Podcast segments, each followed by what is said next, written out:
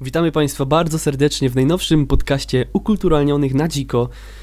Tym razem witamy się pierwszy raz w momencie, kiedy mamy ponad 100 subskrybentów.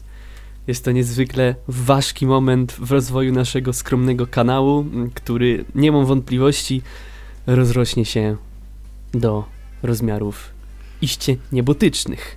Więc witamy nowych słuchaczy i mamy nadzieję, że zostaniecie z nami na dłużej.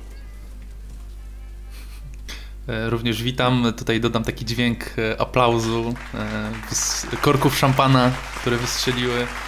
No miejmy nadzieję, że. Postprodukcji. Że, że to, w postprodukcji, tak, że to będzie tylko rosło i wszystkim nam tu będzie razem dobrze. No nie muszę włączyć tutaj, dobra. No właśnie, i tak sobie mówiliśmy przed wejściem, że w sumie ty mówiłeś, że nie masz przygotowanego nic, bo w sumie to tak się nic nie dzieje. I mnie naszła taka refleksja przed nagrywaniem, że no właśnie, nic się nie dzieje i musimy chyba trochę rzadziej wjeżdżać z, yy, na dziko, bo cotygodniowo to jest za często. No bo nie ma, nie ma gdzie łapać tych, tych doświadczeń, nie ma gdzie się stykać bezpośrednio z tą kulturą, nie można tego doświadczać empirycznie. To ratuje nas tylko internet i bogate życie wewnętrzne, żeby coś Państwu ciekawego opowiedzieć. Y, znaczy, no, internet, y, takie życie, które trochę przyniosło się do internetu. No, jeżeli y, tutaj ktoś interesuje się teatrem czy filmem, to zawsze coś tam znajdzie, bo to wszystko przeszło do, do online, do sieci. No ale rzeczywiście jest to zupełnie inny typ konsumpcji. Więc no, to też chyba mówiliśmy, że to jest czas na nadrabianie zaległości i ja aktualnie czytam właśnie książki, które miałem na półce od dłuższego czasu, ale e, nie było chwili, żeby je e, dotknąć, musnąć, e, żeby te literki łączyć w słowa, więc teraz to czynię, ale może szerzej o tych książkach powiem dopiero już jak je skończę, bo na razie jestem gdzieś tam na wczesnym etapie. Mm, no i co z tego? Mam nawet je obok siebie, ale tu jak pokażę, to tylko ty będziesz widział. Mam Możesz wkleić na ekran dla y, widzów YouTube'owych. e, kinowe uniwersum superbohaterów Tomasza Żeglewskiego. Jestem pod ogromnym jestem na stronie 180 y, i jestem pod ogromnym wrażeniem, dlatego że jest to książka stricte naukowa. E, no ale właśnie o, traktuje o superbohaterach. To jest e, nie wiem, czy to było rozwinięcie pracy doktorskiej, bo jest to naprawdę rzetelnie wykonana robota i jest tu masa bardzo ciekawych informacji, nie tylko dla właśnie e, fanów kina superbohaterskiego, ale w ogóle dla kinomaniaków, e, którzy chcą nieco szerzej pojąć całe, mm, cały ten fenomen superbohaterów na dużym ekranie. E, więc, więc polecam i zdradzę tutaj, zatisuję jeden z, myślę, przyszłych materiałów e, mojego autorstwa. Mianowicie będzie ta książka mm, drobną podstawą, e, punktem wyjścia do rozważań e, na temat. Może nie będę za dużo mówił, ale będzie, będzie ta książka mi posłuży do, do jednego z kolejnych materiałów, podobnie jak niezwykła historia Marvel Comics. To jest książka Shona Howe, nie wiem czy dobrze wymówiłem to imię i nazwisko, e, która wyszła w 2000... Imię raczej tak. Sean właśnie, bo to jest Sean, Sean i How, How, How. E, w każdym razie jest to książka, która wyszła w 2013 roku, więc to już jest stara pozycja. Ja ją przeczytałem jeszcze będąc młodzieniaszkiem i sobie ją teraz odświeżam, e, przypominam e, parę rzeczy, bo to jednak człowiek się trochę mentalnie rozwinął i, i, i nowe tutaj wartości wyciągam z tej książki i ona również posłuży mi jako jedno z źródeł do materiałów, więc to takie dwie pozycje, które aktualnie mnie e, zajmują. No, a ja jak zwykle y, skaczę z kwiatka na kwiatek.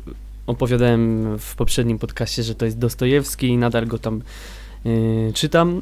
Nie skończyłem, ale oczywiście już sięgnąłem po coś zgoła innego w międzyczasie.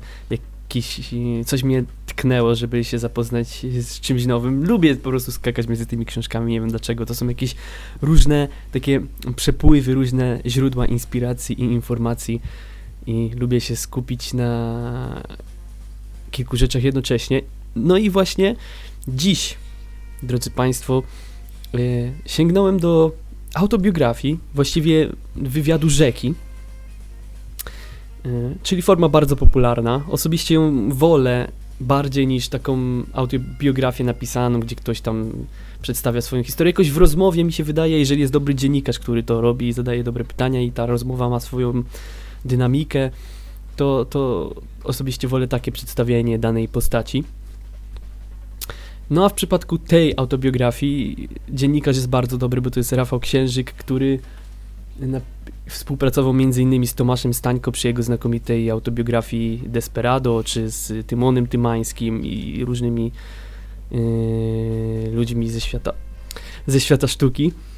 Yy, no a w ogóle bohater, o którym jeszcze nie powiedziałem, to jest Marcin Świetlicki, czyli poeta, prozaik również i wokalista zespołu Świetliki, a także Zgniłość i kolega, tutaj dla Ciebie informacja, to jest kolega yy, yy, pana Mikołaja Trzaski. A, znam, znam. Nawet można znaleźć na YouTubie koncert Świetlików, gdzie tam trzaska właśnie, trzaska na saksofonie, że tak zażartuje.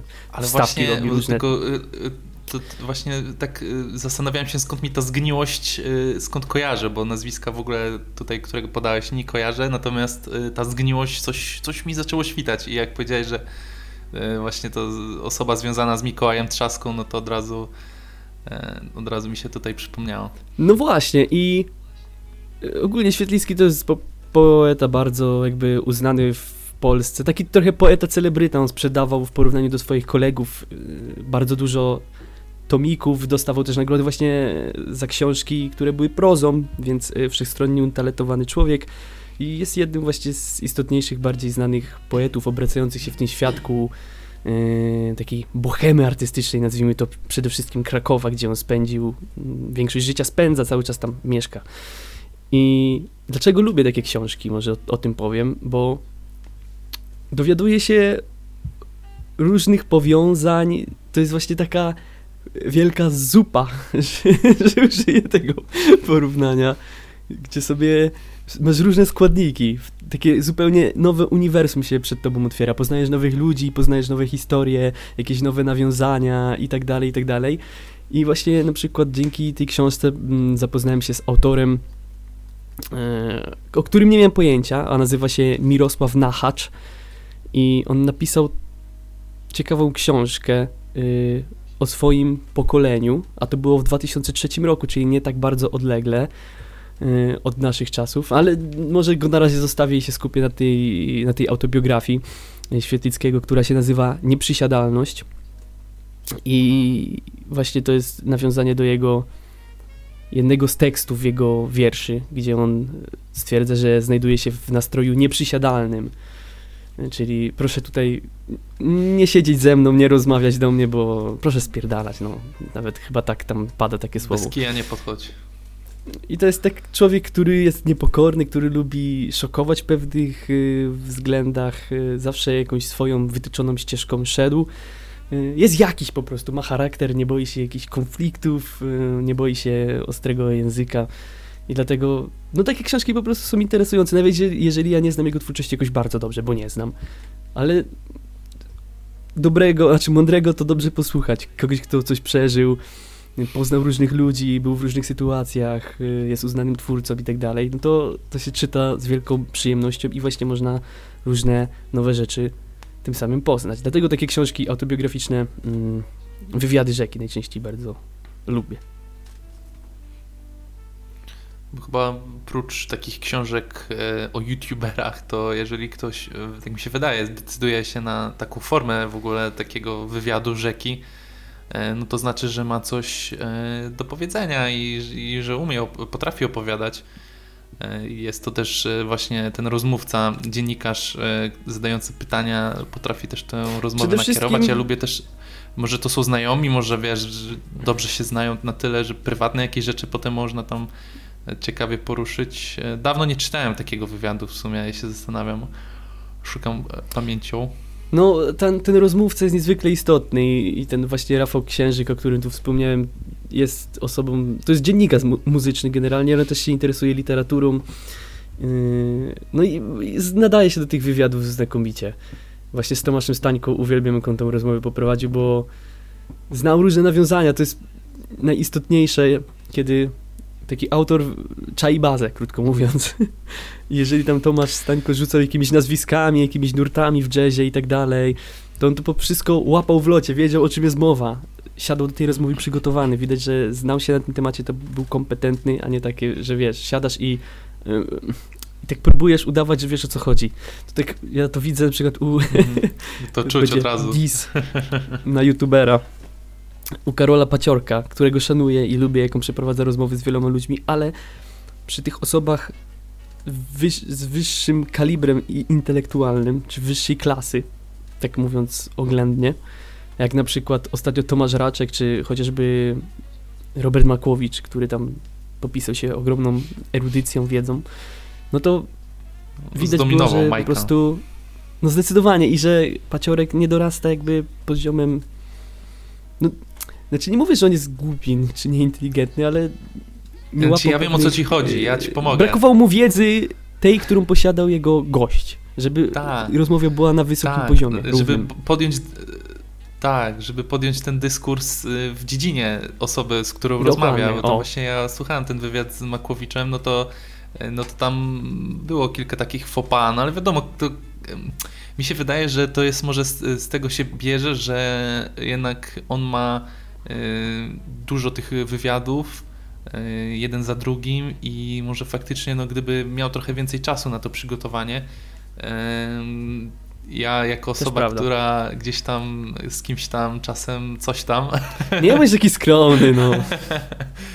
na przykład miałem dzisiaj okazję porozmawiać z Maciejem Szturem no proszę. E, ale się nie zgodziłem, dlatego że po pierwsze, nawet y, no nie śledzę szczególnie kariery Macieja Sztura, którego lubię jako tam niektórego rolę lubię, cenię, mm, e, ale nie miałem okazji po prostu tego śledzić na bieżąco i nie czułem się na siłach. I poza tym to było wokół jakiegoś e, serialu Shadź, w którym grał, czy gra i to będzie drugi sezon, to ja no, nie czułem się uprawniony i wydawało mi się, że z szacunku do rozmówcy po prostu nie podejmę tej dyskusji po godzinnym przygotowaniu, no to jest żadne przygotowanie do, do, do, do, do, takiej gadki, więc e, jeżeli ktoś śledzi wywiady, ogląda wywiady i, i zna się na temacie, powiedzmy interesuje się filmem czy muzyką, no to bardzo często da się wyczuć, kiedy dziennikarz e, rozmawia, rozmawia z artystą, bo jest okazja, bo, bo nie wiem, bo akurat się dostał na ten pres, e, pokazy, znaczy te prasowe, no Jezu, uciekło mi jak to się nazywa, no, press, mi Konferencje? press meetingi, czy już nie pamiętam określenia. E, aktorzy są, biorą udział w tych press tour, e, no nie pamiętam, mniejsza. E, no po prostu bierze rozmowę, bo, bo akurat się przytrafiła okazja, no to porozmawia, bo tam znane nazwisko, a widać kiedy dziennikarz faktycznie się przygotuje i czuje temat. Ja mam wrażenie, że mi najlepiej by się rozmawiało z, z gwiazdami stopu, no bo to jest jest najprościej i też jest ich o co pytać, nie? Bo to śledzisz na bieżąco. E, no jednak polskie gwiazdy, polskimi gwiazdami to jest trochę mm, inaczej, tym bardziej, że mm, nie mam, e, moim hobby nie jest czytanie pudelka e, czy tego typu portali, chociaż wiem. No ale nie, to... no co byś pytał gwiazdy o to, co jest na pudelku, no to nie, to nie jest przecież żaden wyznacznik ani temat, którym warto kogoś... mi się tak kojarzą z tym polskie, zająć. polscy celebryci że oni częściej... Ale no, celebryci, roz, rozróżnij pojęcie, według mnie to jest istotne, celebryta, a y, jakiś artysta. No. Czasami to się nie, nie wyklucza. Mhm, czasami nie, ale często tak. Można być celebrytą, a być nikim więcej na przykład. Y, no, ale to jest sztuka. Sztuka wywiadu y, to jest no, no sztukał, żeby zrobić to naprawdę dobrze i dużo zależy i od pytającego i od rozmówcy i jeżeli oni znajdą wspólny Właśnie. język, to jest naprawdę coś pięknego wtedy. Tu chodzi o, o to, co ta osoba przeżyła i, i, i- i jaki jest jej charakter, czy ona ma ten charakter właśnie, czy jest taka rozwlazła, rozwlekła i nie ma nic ciekawego do powiedzenia, no bo niektóre osoby mogą nie przeżyć nic, znaczy nic w takim sensie, że nie wiem, nie spotkały miliona osób, nie są znane yy, i tak dalej, ale potrafią wiele opowiedzieć, mają bogate życie wewnętrzne, znowu to yy, powiem, i są zainteresowane wieloma rzeczami, potrafią mówić. To tak jak z książką, może napisać naprawdę genialną książkę, nie mając żadnych doświadczeń. Możesz siedzieć w pokoju przez miesiąc, powiedzmy, codziennie pisać książkę o tym, że siedzisz w pokoju i możesz taką książkę napisać, że to będzie wybitna literatura.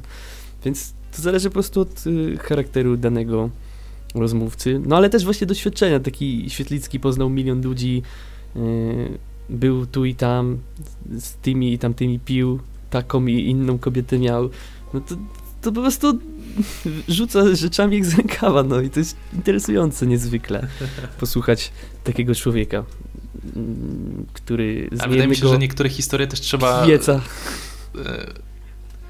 Bo wiesz, czasami, no nie wiem, e, ja mam tak, że jak czasami opowiadam jakieś anegdoty, zazwyczaj e, staram się je podawać tak, jak rzeczywiście pamiętam, ale lubię trochę przeaktorzyć, lubię coś tam e, lekko podkolorować, nie żeby minąć się z prawdą, ale właśnie żeby podkręcić opowieść, żeby ona była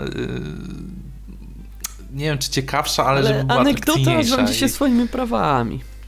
I to też właśnie, żeby mieć nie tyle rzeczy w życiu, które się dzieją, rzeczy, żeby się działy, żebyś ty miał co potem z tych rzeczy wspominać i opowiadać, ale też e, nawet e, sztuką jest może opowiedzieć swoje życie, mimo że wydaje się nie być tak interesujące. No.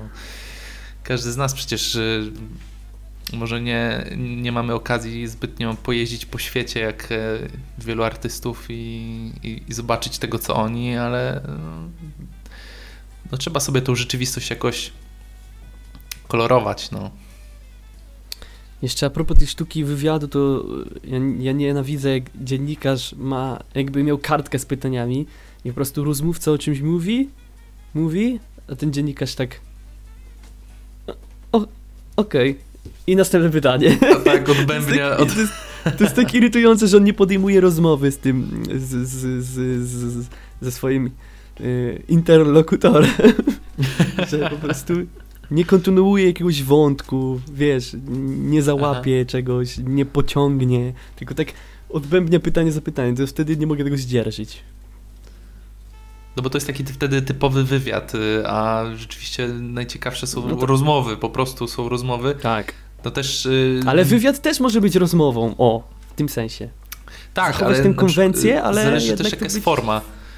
Jeżeli jest forma pisemna, no to mm, znaczy to, znaczy to nie ma dużego znaczenia, czy ona jest pisemna, czy, czy jest y, wizualna y, do słuchania, ale to też y, dużą sztuką jest autoryzowanie tych wywiadów, żeby spisać też to, co rozmówca mówi, bo mm, on może pięknie mówić, ale kiedy to przelejesz na papier, to kompletnie nie trzyma się kupy. I ty musisz, y, i, to, i to źle wy, Brzmi jak wykład jakiś albo zajęcie kogoś tam. Nie wiem. No, no jest to nienaturalne po prostu w formie na papierze i musisz to potem No tak. wy, wykazać się też swoim sprytem, swoim stylem, żeby to miało ręce i nogi, żeby to było spójne. E, Jest to, jest to kawał naprawdę rzemiosła. To trochę jak z Artystycznego tekstami rzemiosła. piosenek. Tekst, tekst może być dobry tylko jak jest w piosence. A jeżeli byś go czytał tak o, to byś powiedział, że co za gówno. to jest... Te, te, te, no pewne rzeczy są lepiej wybrzmią jak się je powie, a inne jak są na papierze. Więc y, tak to wygląda. A propos jeszcze tej biogra- autobiografii Świetlickiego, Nieprzysiadalność, to jestem na 154 stronie i, i jestem ciekawy, gdzie on tam e, dalej popłynie, ale tak czy siak e, polecam. I właśnie on tam wspominał o, wspomniał właściwie w jednym momencie tylko o takim pisarzu, o którym ja nie miałem kompletnie pojęcia, nic nie wiedziałem. Nazywa się on e, Mirosław Nachacz i Mówiłeś już o Nachaczu. Właśnie No właśnie wspomniałem o nim y, słowo wcześniej, ale teraz chcę ten wątek y, kontynuować, bo jego historia jest tragiczna. On popełnił samobójstwo w 2007 roku, mając zaledwie 23 lata. Ale co jest bardzo ciekawe, on zadebiutował już w wieku lat 18 powieścią 8.4 i co to jest za powieść? Y, ona porusza temat pokolenia urodzonego w roku 1984 i na treść tej, tej książki składa się opis jednej nocy, imprezy spędzonej przez bohaterów. No gdzieś tam na wolnym powietrzu, oni tam na jakiś dach wchodzą i prowadzą rozmowy między sobą. Takim strumieniem świadomości to jest też przekazane. I jakby przedstawiają życie swojego pokolenia, przemyślenia właśnie tych ludzi w tym czasie, tych urodzonych w 84.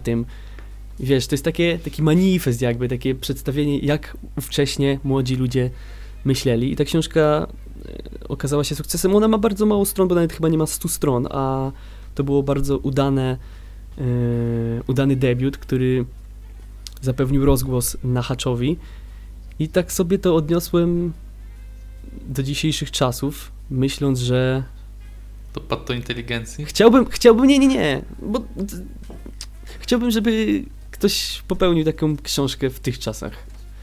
Mhm. Ja No, ale przeczytał mówiło chętnie. się, że ktoś, właśnie ktoś, ktoś w to jest wieku taki hymn 20, 25 lat, y, mm, żeby no jest o, czym, jest o czym powiedzieć, naprawdę, o rozterkach O, na dzisiejszych pewno, czasach. na pewno jest. Młodych ludzi dotyczących Yy. związków międzyludzkich, dotyczących sytuacji na rynku pracy, sytuacji politycznej, pewnych przemian i tak dalej, i tak dalej. Tylko nie wiem, czy, czy ktoś to powie. Właśnie a propos mm, tej patointeligencji, no to jest jakaś informacja, ale to jest tylko piosenka. Bardzo okrojona lirycznie, z wiadomych względów. No, Ale wydaje mi się, takiego- nie chcę deprecjonować pokoleń, ale czy właśnie forma pisana tutaj, e, wiesz, prędzej może jakiś vlog na, na YouTube. Co zakładasz, że teraz młodzi już książek by nie napisali? Że już taki nie wiem, Mirosław taki Nachacz taki się nie może Boże, takim pojawić? dziaderstwem zajechałem teraz, nie? E, Ale w ogóle y, propos pokoleń i chyba jakiejś takiej zmiany też, y, no to y, mm, takiej właśnie pokoleniowej wojny. E, To, co ostatnio wyszło w kontekście mm, szkół filmowych w Łodzi, e, opublikowane absolwentki czy właśnie studentki łódzkiej szkoły filmowej em, przejmujący list, znaczy list, przejmujący tekst e, z nazwiskami e, konkretnie wymienionymi tych rzeczy, które, praktyk, e, które tam się odbywają i usłyszałem od jednej osoby z pokolenia, no osoby powiedzmy starszej, e, taki, to był taki wyrażony podziw dla, dla tych właśnie młodych ludzi, że, że coś się zmieniło na tej zasadzie, że nie boją się mówić, że właśnie mm, wiesz, nie, nie tkwią w tym, że o tak jest, to tak musi być, właśnie w takich tradycjach pewnych, że artysta, że sztuka rodzi się z cierpienia, to oni się jakby na to nie godzą, się buntują i odważnie mówią e, jak jest. E, także mm, no to pokolenia ja powiedzmy, czy nasze też się zalicza, bo ona jest, nasze jest takie w rozkroku, to też jest ciekawe. E, Tak, Moim zdaniem dokładnie. jest takim rozkroku między tymi latami właśnie 90. i już tym nowym milenium, e, tak zwanymi milenialsami, więc my jesteśmy trochę w rozkroku, ale te jeszcze młodsze pokolenia, że faktycznie e, coś jest innego, coś jest tutaj ciekawego się dzieje i fajnie jakby ktoś to spisał, tak jak mówisz, jakimś e, przejmującym traktacie, ale no patointeligencja to faktycznie była trochę forma E, ale właśnie ten rozkrok, to ja go czuję. w tym sensie, że bo my pamiętamy tę, tę rzeczywistość pre-internetową. Znaczy, internet był jako taki, wiadomo, ale on był naprawdę taki raczkujący. Ja pamiętam, że ja nie miałem internetu, jak ja byłem mały w domu. Dopiero się tam zakładało, kupowało się pierwsze komputery, y, piraciło się pierwsze gry. dzieci Neostrady. Neostrada, dzieci Neo, to już w ogóle nie ma takiego pojęcia przecież. Y, Mało kto Tak. miał telefon komórkowy teraz i tak dalej, no można tak wiesz, jechać, jechać, wiadomo o co chodzi. No a teraz ci, no, ci nowi, w cudzysłowie, to oni już to mają na tacy, rodzą się, mają y, telefon od razu, nie mają już stacjonarnych. Za naszych czasów się sta na stacjonarny dzwoniło i przepraszam, można prosić tam Oskara, Oskara bo to mój kumpel, dlatego jego, jego imienia użyłem tutaj z zapłotu. I, I to tak działało, no. Tak. Więc y, ja, jest, ja czuję ten rozkrok, że widzę, że świat był kiedyś inny, relacje były kiedyś inne, inaczej się nawiązywało, w sensie nawet w internecie pewne rozmowy były inne niż teraz. I widzę to, widzę to, dlatego mnie bolą pewne rzeczy, których młodzi nie widzą, bo nie mają porównania. I dlatego może czasem wychodzę na, a, kurde, boomer tak zwany, czy doomer, więc, ale, no bo, no bo to jest ja to, trudne. Ja to czuję, czuję ten rozkrok. To jest trudne, no. ja, ja też czuję i, e, albo chociaż to, co mówisz, że na przykład, nie wiem, wołało się kogoś pod oknem, żeby wyszedł z domu. Ten tekst, ja dzwonię, ty gadasz. Szedłem z kolegą. Tak, ja, albo w domofon. Ja dzwonię, ty gadasz. Było... Nie wiem dlaczego.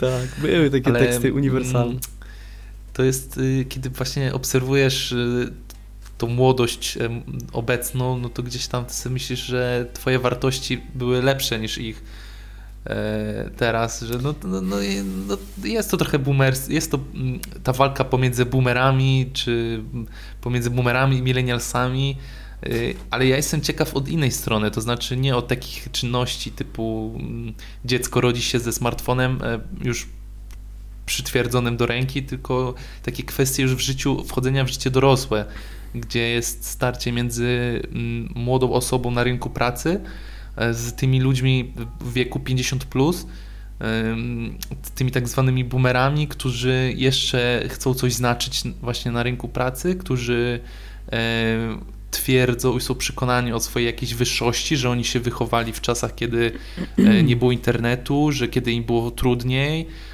i te jeszcze perelowskie zaleciałości w nich tkwią i że to ich zahartowało, ale też z jednej strony zniszczyło im jakąś młodość, którą ale którą my to mamy już przepaść. zupełnie inną, więc y, to mnie ciekawi. Właśnie takie Poruszyłeś... czynności, takie no. zestawienie w codziennych, zwykłych sprawach pomiędzy jednym pokoleniem a drugim, a nie, że ci się wychowali z mm, misiem uszatkiem, a ci z mm, nie wiem, co dzieciaki oglądają teraz, z wodogrzmotami małymi, no. Ale a propos ty, ty, tego rynku pracy i młodych ludzi obecnie i, i starszych generalnie, to, to, to, oni są często derwani od tego, bo oni dorastali, żyli w tej czasach komuny, gdzie każdy miał pracę zapewnioną. I to wszystko jakoś funkcjonowało tak w prosty sposób. Teraz musisz się postarać o tę pracę. Często musisz być sam sobie marką, żeby ktoś cię zechciał, ty musisz walczyć, żeby cię zechcieli i tak dalej. A za ich czasów, nie teraz mam swoich rodziców na myśli, bo zaraz przejdę do innego wątku, tak nie było. I na przykład właśnie moja mama Y, myśli, że jak ja umiem angielski, to ja jestem królem jakimś, wyobraź sobie, że ona, ona myśli, że jak ja umiem angielski, to ja jestem na rynku pracy, wiesz, taki, taki gość.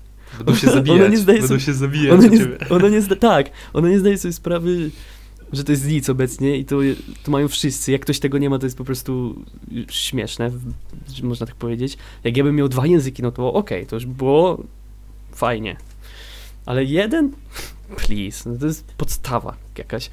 I no właśnie na przykład moja mama sobie z takich rzeczy już nie zdaje sprawy, no że to tak funkcjonuje.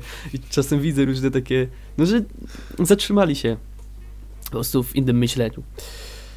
Aha, jeszcze ty, a propos tego rynku pracy i że, że, tych zmian, to młodzi ludzie na przykład mm, czytałem jakiś artykuł, nie pamiętam, jakiś czas temu, że po pierwsze nie stabilizują się, to nie jest tak, że ty tkwisz w jednej pracy 20 lat, czy tam nawet całe życie, tylko bardzo często młodzi ludzie zmieniają, są bardziej jakby, więcej wymagają od pracodawcy, yy, a nie, że tak biorę co mi dają, tylko są wybredniejsi, właśnie nie chcą jacyś chętni do ustabilizowania jest, się w To jest dobre. Miejscu. I też się stawiają w tym sensie, że na przykład korzystają z jakichś przysługujących im przywilejów, a nie tak jak kiedyś właśnie ktoś tam pisał jakiś wpis, widziałem, że jakaś córka pisała o swojej matce, że ona tu pracowała cały czas, czy była chora, czy coś tam, to bała się pójść na jakieś zwolnienie, bo bała się, że ją wyrzucą z tej pracy, bała się, bała się iść na urlop. Teraz L4, kiedy tylko się da. Cały czas. A teraz młodzi, no dokładnie, korzystają z tego, biorą sprawy w swoje ręce i, i to na przykład takie zmiany też zachodzą, więc no, są widoczne, zdecydowanie. No i boomerzy powiedzą, że, że się w dupach przewróciło, że to jest skandal, że właśnie oni byli lepsi, bo oni, co by się nie działo, ból czy nie, to szli do pracy, a młodzi teraz, wiesz, mięccy, mięccy No, są miękcy. tak ten, tak, są tak ten mem z faje. nosaczem, z depresją. Tak, no i Y, Że coś tam, widzisz. za moich czasów to ty byś dostał pasem w dupę, no nikt nie myślał o żadnych depresjach.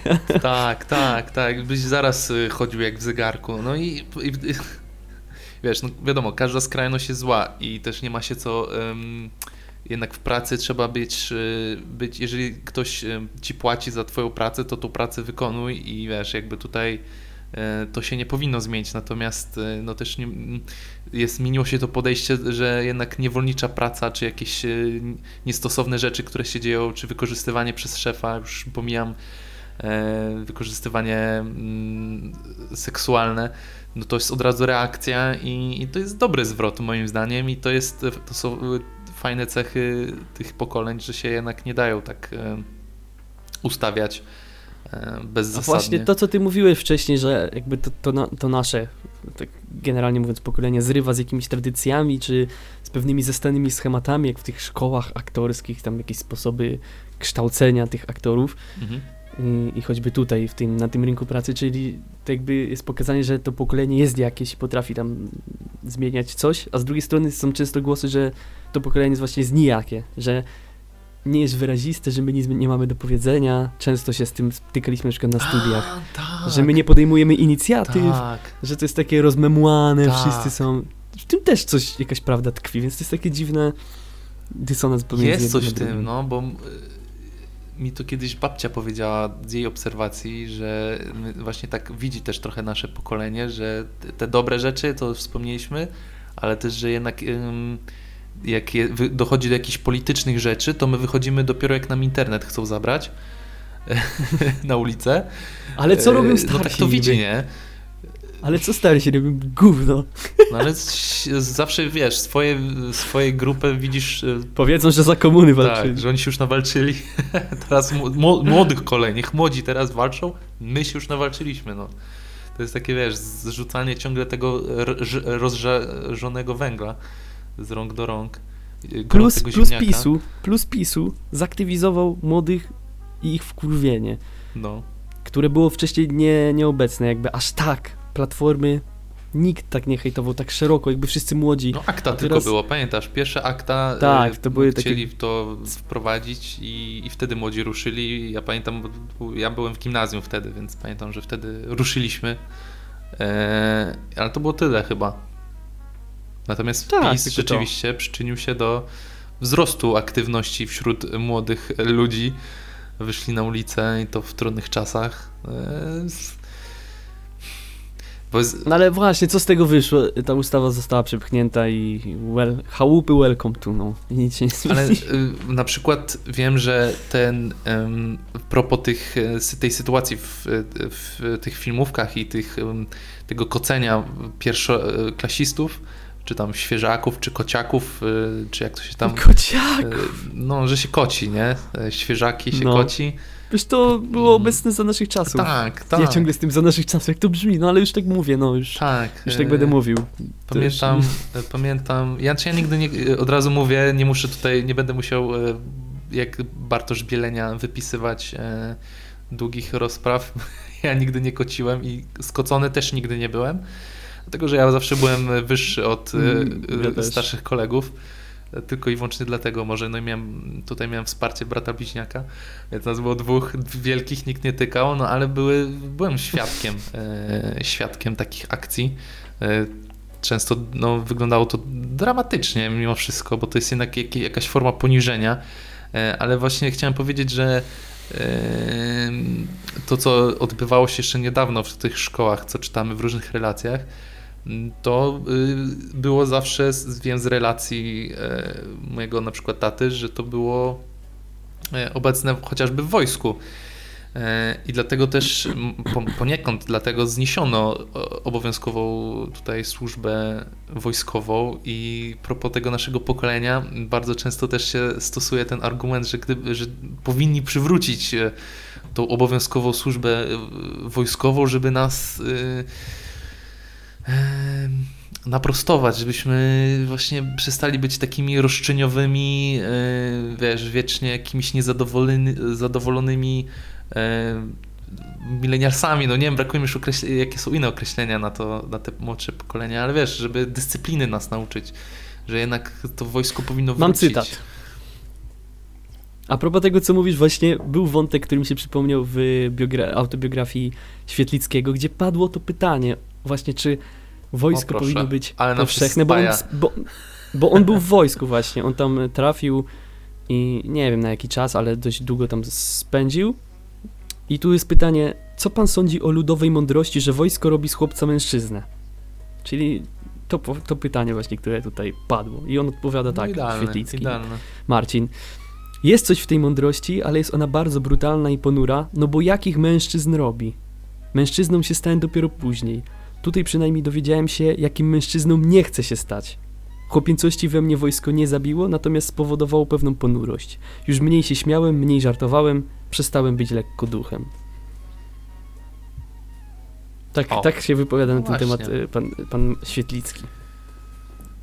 Więc to, to, to, no myślę, to jest takie wielu... właśnie zabijanie, ale może też no na pewno w tym można znaleźć jakiś plus, bo to lekko, to bycie lekko duchem w życiu może bardzo e, przeszkadzać. Jeżeli to się tak stemperuje, to może pomóc, ale no nie, no nie jestem za. Czy to jest metoda, czy to musi być no wojsko? No nie wiem. No Życie samo zweryfikuje. Też, właśnie propos tych artystów, że to Raczek też mówił, że, no, że sztuka tutaj się rodzi w bólach i e, że artysta musi trochę cierpieć, no ale ja, ja się z tym kompletnie nie zgadzam, bo to jakieś mentalne, może duchowe jakieś cierpienie takie, żeby mm, jeżeli no, chcesz wcielić się w jakąś postać o jakichś konkretnych przeżyciach, no ale nigdy fizyczne jakieś cierpienie nie powinno mieć miejsca, jakieś policzkowanie czy e, kazanie mm, aktorom się rozbierać e, w szkole, no za darmo jeszcze notabene. Także no ja jestem kompletnie, jakby to zacząłem czytać, to mnie, mnie zdziwiło, e, zszokowało, że to tyle lat, yy, znaczy tam w kuluarach się dużo mówiło o tym, tylko nigdy nie padły nazwiska i dopiero ta dziewczyna Anna Pągiela chyba, mm, nie chcę przykręcić, e, no, napisała to konkretnie, nie? z nazwiskami, także coś tutaj ruszyło i, i się zrobiła fala. Właśnie a propos tego, co mówisz i Tomasza, Tomasza Raczka, to on przeprowadził dzisiaj wywiad, y, znaczy dzisiaj opublikował wywiad z Wojciechem Malajkatem, który jest rektorem Warszawskiej Akademii Teatralnej i tam Raczek tak troszkę stara się bronić takich starych metod y, wychowywania aktorów, kształcenia. I przywołuje przykład y, Tadeusza y, Konwickiego, czyli no, znanego twórcy, scenarzysty, reżysera między innymi, który właśnie w teatrze szkolił aktorów w sposób taki, że tam brał na przykład jakiegoś jakąś dziewczynę, jakiegoś chłopaka i mówił do, nie, do niego, kładzał się tam kłaść, jej na nim, znaczy na, jemu na niej i mówił gwałcią. W ubraniach byli, ale wiesz, gwałcią. I, I właściwie Raczek się pytał owego Wojciecha Malejkata w tym wywiadzie, można sobie to zobaczyć, e, czy takie metody mają sens, czy powinny być obecne. No i Raczek był taki ponoć wstrząśnięty, bo on to widział jako mm, uczeń tam teoretycznie się uczył o teatrze, wiedzy o teatrze i tak dalej, ale on tam miał dostęp do tych zajęć aktorskich, gdzie mógł sobie podpatrzeć i właśnie patrzył i popytał ponoć tego Konwickiego, czy takie y, metody mają sens. A on o coś tam odparł, że że to nie pamięta dokładnie, nie chcę teraz prze, prze, prze, prze, wiesz, przekłamać, ale że to jakby kształtuje, mhm. że jak dostajesz tak, pod dupę, tak, to tak, później sobie tak, poradzić jako aktor, bo to jest, cięż, to jest ciężkie życie aktora właśnie, no, coś w tym deseń. Tak, I, bo ciągle krytyka, no ciągle tym, presja tak. i musisz być e, zahartowany. No a ten mm. Wojciech Malajkat jednak mówił, że, że, że on nie pochwala takich postępowań. Lepiej w człowieku kształtować takie yy, no, pozytywne cechy i go podbudowywać niż y, łoić takim i hartować jakimiś y, traumatycznymi czasem dla niego sytuacjami. Mm, jest taki film z 1972 roku, którym jest y, często wraca przy takich tematach. To jest film z Marlonem Brando e, i Mario Schneider. Nie wiem, czy słyszałeś o tym. E, tam jest właśnie scena faktycznego gwałtu. E, Gdzie? Brando na, w filmie Ostatnie tango w Paryżu. Tam jest bardzo, bardzo kontrowersyjna scena, po której właśnie po latach aktorka mówiła, że faktycznie no, tutaj coś zostało, mówiąc delikatnie, nie zostało dopilnowane i to też była wina reżysera właśnie, e, który do tego dopuścił, więc e, pewne takie zaniechania mm, są, były, były i teraz może będzie tego trochę mniej, bo właśnie ruszyła ta cała akcja, e, ten ruch hashtag E, ale na przykład y, wielu wybitnych reżyserów miało jakieś takie podejście do aktorów często kontrowersyjne, chociażby Alfred Hitchcock, e, Stanley Kubrick. No oni mieli takie metody, żeby coś z aktorów tam wyciągać, żeby ich trochę sponiewierać. E, no i czy robili złe filmy? No robili filmy wbitne, no i były wbitne kreacje aktorskie, tylko tutaj już trudno będzie odpowiedzieć, czy gdyby nie te ich, e, może nie maltretowanie, ale no jakieś takie mentalne i fizyczne wystawianie na próbę tych aktorów, czy gdyby nie te praktyki, to czy by zagrali równie dobrze, to pewnie by mógł tak właśnie Tomasz Raczek zadać takie pytanie, który tutaj e, z tego co ja widzę e, stoi za tymi starymi wartościami, z tymi starymi I musi metodami. się poprawić w tym momencie, bo popełniłem fatalne faux pas. Tak? Nie chodziło o Tadeusza Konwickiego przecież, tylko o Tadeu Tadeusza Łomnickiego. no tak. E... Ale tak już akurat, no tak. Przecież to jest aktor teatralny, a tamten y, był związany z filmem. Nieważne, ale znaczy ważne. Poprawiam się. Łomnicki oczywiście. No, dobrze, że się poprawiłem. Właśnie on stosował takie metody. I no, można z nich wyciągnąć na pewno jakieś tam pozytywy. Tak samo było jak ja miałem na zajęciach o teatrze tego, mm, jak on się nazywał, e, Schillera, który to wprowadzał nową metodę aktorską i on tych aktorów tam właśnie hartował różnymi takimi zachowaniami. E, nie mówię, że on stosował jakąś przemoc, ale to było takie zwarte, grupowe działanie. Oni tam żyli ze sobą, jedli ze sobą, spali ze sobą, ćwiczyli bez przerwy, po prostu oddychali tym teatrem non-stop i kształtowani byli w taki sposób bardzo programowy. Y, no są różne szkoły, też nam opowiadał kiedyś nasz wykładowca, pan Mirosław Kocur o Grotowskim, z którym on, wielkim reformatorze y, polskiego teatru, jednej z, jednej z najważniejszych figur. No to na całym świecie znany, nie? Tak, że on też tam z aktorami robił różne rzeczy, bo miał swoją szkołę i no, to jest pytanie o te granice, o pedagogikę, można powiedzieć. To tak samo, czy, czy można dziecku przylać za przeproszeniem, no. Yy, no. Teraz wszyscy powiedzą, że nie. Oczywiście, ale... No nie, no bo... Znaczy ja nie mówię, że można. Ja tu zostawiam pytanie i nic więcej. Nie... No tak, okay. to, to też nie można porównywać dziecka z dorosłym człowiekiem, oczywiście. No, ale... no właśnie, może gdyby ktoś godził się na takie metody pracy, że wie, aktor by był świadomy, że jeżeli ten Są na pewno granice. Będzie... Tak. No nie... Są na pewno granice, ale czy wzięcie aktorów i powiedzenie w ciuchach i tak dalej, powiedzenie gwałcią, czy to jest jakoś... Ja się zastanawiam, czy mnie by to jakoś tak sparaliżowało i bym pomyślał, o Jezus, nie, ja już jestem spieprzem, ja nie chcę być żadnym aktorem, to jest straszne w ogóle. Czy bym po prostu jest, zaczął robić ale jest, to, co mi y, każą. No to jest ten syndrom to tak samo, właśnie, Nie, wiem, czy, to tak samo właśnie jak jest... Y... Właśnie nie wiem, czy pewne szkoły powinny... Znaczy, kurczę, no mam tu dylematy i nie wiem jak nawet jak je sformułować. Czy wszystko powinno ewoluować zawsze? Czy pewne jednak metody, które są może kontrowersyjne, bardziej takie hardkorowe, powinny zostawać. To tak jak, jak jest w filmie Whiplash, tam jest ten nauczyciel, który tego Andy'ego, nie wiem czy on miał Andy na imię, teraz strzelam, y, ten perkusista. Nie Mhm. pamiętam. Ale ten y, nauczyciel Fletcher chyba. On się tak nazywał. Tak, to na jedzie, pewno jedzie go tam, jedzie go tam jak Simmons. po prostu burą sukę. Faster! Faster! I to w ogóle się wyżywa na nich, tam rzuca w pewnym momencie coś, kogoś tam wypieprza z tej sali prób, bo tam gra zły dźwięk.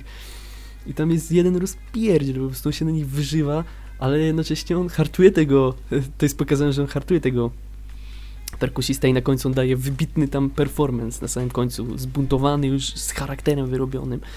Yy, I też historia się pisała na takich y, przypadkach, bo na przykład y, tam jest przytoczone sytuacja w tym filmie o Charlie Parkerze, czyli saksofoniście, który jeszcze był takim szczylem i tam poszedł na jakiś jam, jam session ze swoim saksofonem, tak nieśmiało wbił na scenę, zaczął coś grać i ci starzy tak na niego popatrzyli, y, stare katy, wyjadacze, że młody, co ty za gówno grasz, weź w ogóle wypieprzaj. Chyba nawet ktoś tam właśnie rzucił i to było takie nawiązanie, że ktoś rzucił, jakiś perkusista w niego rzucił talerzem czy coś takiego, wiesz, on się przestraszył, uciekł. Mm, no ale wrócił po jakimś czasie, sobie pomyślał, ja pieprzę, nie no, ja, ja im kurwa dam. Zaczął ćwiczyć cały czas, wrócił i rozpieprzył to jam session i tam wszyscy, uuu, co tu się dzieje? I, on, I tam właśnie Fletcher mówi w tym filmie, że wtedy Charlie Parker zagrał the best motherfucking solo ever, coś takiego. I to, to jest wykorzystane właśnie jako taki motyw tego filmu. Więc, yy, no takie sytuacje jednak kształtują tych charakter. Nie można powiedzieć, że to tak samo jak bezstresowe wychowanie, którzy mówią, że to też jest szkodliwe dla dziecka. Powinno się na jakieś stresy go narazić, na jakieś wymogi postawić. Nie mówię, że lać trzeba oczywiście, ale rozumiem, że pewne zachowania mogą się bronić, nawet jeżeli one są trochę dyskusyjne czy kontrowersyjne z naszej perspektywy. Tak to widzę. Poniekąd się, poniekąd się zgadzam, ale z drugiej strony od razu mam takie zastrzeżenie, to znaczy, czy zastrzeżenie. Wydaje mi się, że te metody mogły doprowadzić do, jasne, kogoś zahartowały faktycznie, ktoś potem w A w dziesięciu dorosłej innych karierze, złamały. a dziesięciu innych złamało i tych dziesięciu innych mogło być wybitnymi artystami, którzy pięknie czują sztukę, ale to doświadczenie w tej szkole po prostu ich zniechęciło do zawodu. E, Słyszałem też historię o, o jakiejś, e, że jest w Polsce jakiś ponoć kierunek e, o jazzie, że wiedza o jazzie, czy coś takiego z jazzem. Później tego nie sprawdziłem, ale słyszałem taką historię. E, I tam właśnie był jakiś prowadzący, który miał takie, no prawie jak z filmu Whiplash, metody.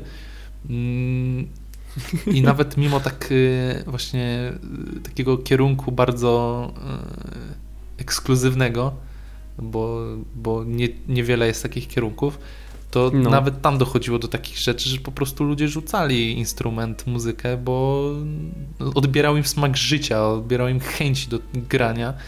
I kogoś mógł tam jednego takiego No to jest e, mm, Trudno. jednego tego bohatera Whiplash zrobić z niego mistrza, z dziesięciu innych po prostu no, załamać ich nerwowo, nie? Więc to też, y, czy w sztuce powinno być takie stwierdzenie, że przetrwa najsilniejszy? No, No nie, znaczy, ale to też chodziło jakby wi- wirtuozerię na instrumencie, to jest coś innego, bo y, no, on chciał z niego czynić wirtuoza na instrumencie. no to jest fajny, sam film jest takim bardzo, bo on nie... To y, trochę było, tam było tak sportowo to przedstawione, że wiesz, trening czyni mistrza, po prostu musisz trenować i wtedy jesteś zarąbisty, a to tak w sztuce to tak nie działa, bo można być wybitnym instrumentalistą, a niekoniecznie dobrym artystą. Z tym filmem w ogóle był taki ciekawy, wytworzył się ciekawa dyskusja, pamiętam, bo było właśnie, jedni odbierali to jako taką pochwałę trochę, że właśnie nauczyciel taki powinien być, a drudzy odbierali to jako właśnie krytyczny, krytyczny, krytyczne em, e, ukazanie tego, takiego W zachowania. tym filmie jest dużo przekłamań.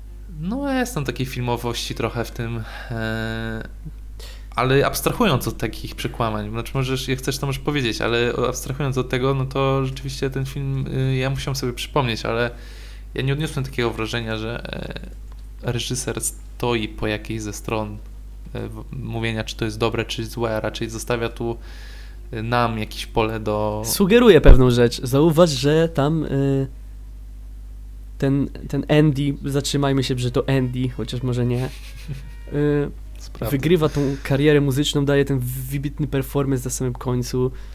Y, Co ciekawe, ten aktor grał na perkusji, tam większość rzeczy to po prostu on zagrał. Y, Ale na przykład traci miłość, bo on w- w pewnym momencie spotyka się z Andrew. tą dziewczyną z kina. A nie chcę tutaj spoilerować, ale już zaczynam, z- ale przepraszam. No ale dobra, już idę w spoiler, już powiedziałem. Jak nie chcecie, to nie słuchajcie. Ostrzegłeś, to możesz iść. Tak, że on ma romans, spotyka się z tą dziewczyną z kina, ale ona mu przeszkadza w muzyce w tym sensie, że musiałby poświęcać jej czas, energię i tak dalej, a mu chce trenować na instrumencie, on chce się skupić na jazzie. I oni się rozchodzą, a później on się trochę poddaje, wraca jednak do tej muzyki i ma na końcu ten wybitny występ. To tam on wykonuje telefon do tej byłej dziewczyny i się pyta, czy ona tam przyjdzie chyba na jego, na jego koncert. Ona, y, że no, nie była niechętna. I to pokazuje, że on jakby zyskując coś, coś jednak stracił i nie było drogi powrotu do tego i też go złapały tam uczucia w pewnym momencie, więc no, taki dylemat i każda droga ma swoje plusy, minusy i, i, i priorytety, no. Więc to jest otwarta, otwarta kwestia i dalej zostawię ją otwartą. Znaczy, są granice. Nie powinno się tam znęcać nad kimś cały czas, wiadomo, ale jeżeli ktoś jest od czasu do czasu, podkreślam, bardziej hardkorowy, czy twardszy, ale nie, że tak wiesz, to jest nałogowe i tępi po prostu ludzi, to ja myślę, że to może przynieść jakieś pozytywne rezultaty finalnie. W ogóle, e, Cienka granica nie, jest, bo to no. jest... E, e, tak, bo to jest w ogóle szeroki temat podejść, być, co znaczy dobry nauczyciel. Wróciłbym Ło. do tego tematu przy jakiejś kolejnej okazji, e, byśmy się mogli podzielić jakimiś To tak jak w doświadczeniami. Zen. W końcu nauczyciel pieprznął kogoś plaskaczem ucznia, albo go zepchnął z ganku i ten wpadł w błoto, albo mu walnął kijem po mordzie i on doznał oświecenia. Bo tego mu akurat brakowało, żeby mu coś przeskoczyło. To może Czasem, miejmy... wiesz, No widzisz, czasem może jakby Jurek, metody są potrzebne. jakby Jurek Brzęczek takie metody zastosował Wiedziałem. na Piotrze Zielińskim, to by nie musiał liczyć na to, że się przebudzi i samo przyjdzie, Że mu tylko od razu przeskoczy. by miał efekt. Ale nie, wrócimy, wróćmy do tego, wrócimy do tego tematu, bo yy, możemy to powiązać w końcu z naszym yy, podcastem na temat yy, edukacji Tak, w zaraz- szkole i to będzie jeden z takich fajnych punktów. Myślę, musimy sobie to wypunktować i taką dyskusję przeprowadzić, bo jest tam tutaj dużo rzeczy do powiedzenia i właśnie jakieś autorytety, żeby mm, pokazać e, sytuację w, szkoła, w szkole średniej na przykład, e, jak nauczyciele, jakie mają metody budowania sobie autorytetu, tego, żeby e, dzieciaki mm, Chyba niszczenia. słuchały uważnie, a nie żeby, tak, no właśnie, żeby e, krzyczeć i, i, i ubliżać albo walić linijką po głowie, bo to patrz, też się zmieniło, bo kiedyś e, nauczyciele łapach. po łapach dawali linijką i zobacz, to odeszło, teraz nie do pomyślenia. E, I takie ciekawe tematy No. właśnie musimy dotknąć, poruszyć. Chociaż ja notabene raz też dostałem e, od nauczycielki, która z emerytury wróciła na chwilę na zastępstwo To dlatego. i dostałem w głowę linijką, także ja tutaj będę miał coś do powiedzenia, bo jestem doświadczony i z jednej strony i z drugiej tego ucznia, który e, już nie mógł być bity i tego, który raz dostał, więc więc to zobaczymy to w przyszłości. Niedaleko. Czy masz jakieś wnioski końcowe? Yy, żeby to klamrę tu spiąć. Czekaj, czym zaczęliśmy? A, zaczęliśmy literaturą. No to nie, to literaturą nie przymknę, nie przyklepię, ale może odnośnie tych, yy, tej sytuacji w tej filmówce, w tych filmówkach, w tych szkołach, yy, to tak spuentuję, może tak dodam yy, otuchy albo zachęcę innych do tego, żeby właśnie faktycznie e, mówić, e, mówić jak jest, mówić głośno nazwiskami, zbierać się grupą. E, Może to jest to nasze pokolenie trochę, może nie, może się mylę, że my jednak lubimy indywidualności, że w, powinniśmy się w takich problemach właśnie jednoczyć, tak jak PiS nas zjednoczył w, w wiadomych sprawach, tak żeby w sytuacji, kiedy gdzieś tam ktoś nadużywa wobec nas swoich e, przywilejów, żebyśmy reagowali, atakowali, znaczy może nie atakowali, nie nawołujmy do przemocy, ale żebyśmy po prostu mówili głośno, jak jest. Dziękuję za to, za te słowa. Mi się przypomniało jeszcze, że nie powiedziałem nic o filmach, które ostatnio zobaczyłem, a które no, zrobiły mi coś. Był to, no, to była to persona by było... Bergmana, było to, między, było to między słowami. Y, zacząłem też oglądać, y, jak to się nazywa, Ostatnie Tchnienie? Czy nie Ostatnie Tchnienie? Jak to? Boże. Do utraty tchu, przepraszam bardzo, Godarta. Z o. ciekawości, bo mam braki w klasycznym kinie ale, ale to na przyszły raz sobie zostawię, żeby było. No tak, bo teraz jakbyś świeżego. zaczął, to byłoby już takim ochłapem. Tak, to już dokładnie, a to trzeba wniknąć, bo to są dzieła tak ważkie. Y, no, więc dzisiaj no było tak trochę. Dziękujemy. E, generacyjnie. Bardzo. Takie różnice między kiedyś a teraz, myślę, że ale to było aktualne było. właściwie wobec tego, co się dzieje i też mm. to rozszerzyliśmy ten wątek właśnie o wojnę pokoleniową, więc myślę, że to będzie cenna mm, dyskusja. Już wiem, już mi się rodzą tematy do przyszłego podcastu. A mówiłem na początku, że może rzadziej. Tak, a tak, teraz no widzisz, jak no. poszło, poszło w rozmowę, to nagle mi się klapki y, otworzyły, znaczy tak, można powiedzieć. Szufladki mi się wysunęły w mózgu i rzeczy się pojawiły. Przepraszam za y, Konwickiego, bo to był Łomnicki, ale reszta się zgadzała. Reszta się zgadza, reszta jest wybitna, także... Też jeszcze chciałem wspomnieć o tych dniach kultury, które y, Google z YouTube'em organizują, a to właściwie dotyczy Międzynarodowego Dnia Dni Teatru, gdzie na YouTubie można tak. zobaczyć, będzie można już niebawem y, premierowe różne spektakle. Chyba, tak? Jak się nie mylę. Tak, to trwa tam ileś, kilka dni. I są teatry z całej Polski, które przedstawią swoje spektakle, będą streamingi do obejrzenia. I o tym też miałem powiedzieć na początku, jak weszliśmy, oczywiście wszystko poszło w inną stronę i... No ale dobra. Ale damy do tytułu, jest, jest żeby każdy wiedział. I w spisie treści, także jest ok. Tak. Y, dziękujemy Państwu bardzo serdecznie zapraszamy do kolejnych materiałów, zapraszamy do subskrybowania, do odwiedzania naszej strony fanpage'a na Facebooku, naszego Spotify'a, Google Podcasts i innych stron, gdzie są dostępni ukulturalnieni. A to wszystko dla Was, od nas. Pozdrawiamy gorąco. Dziękujemy, do zobaczenia, do usłyszenia.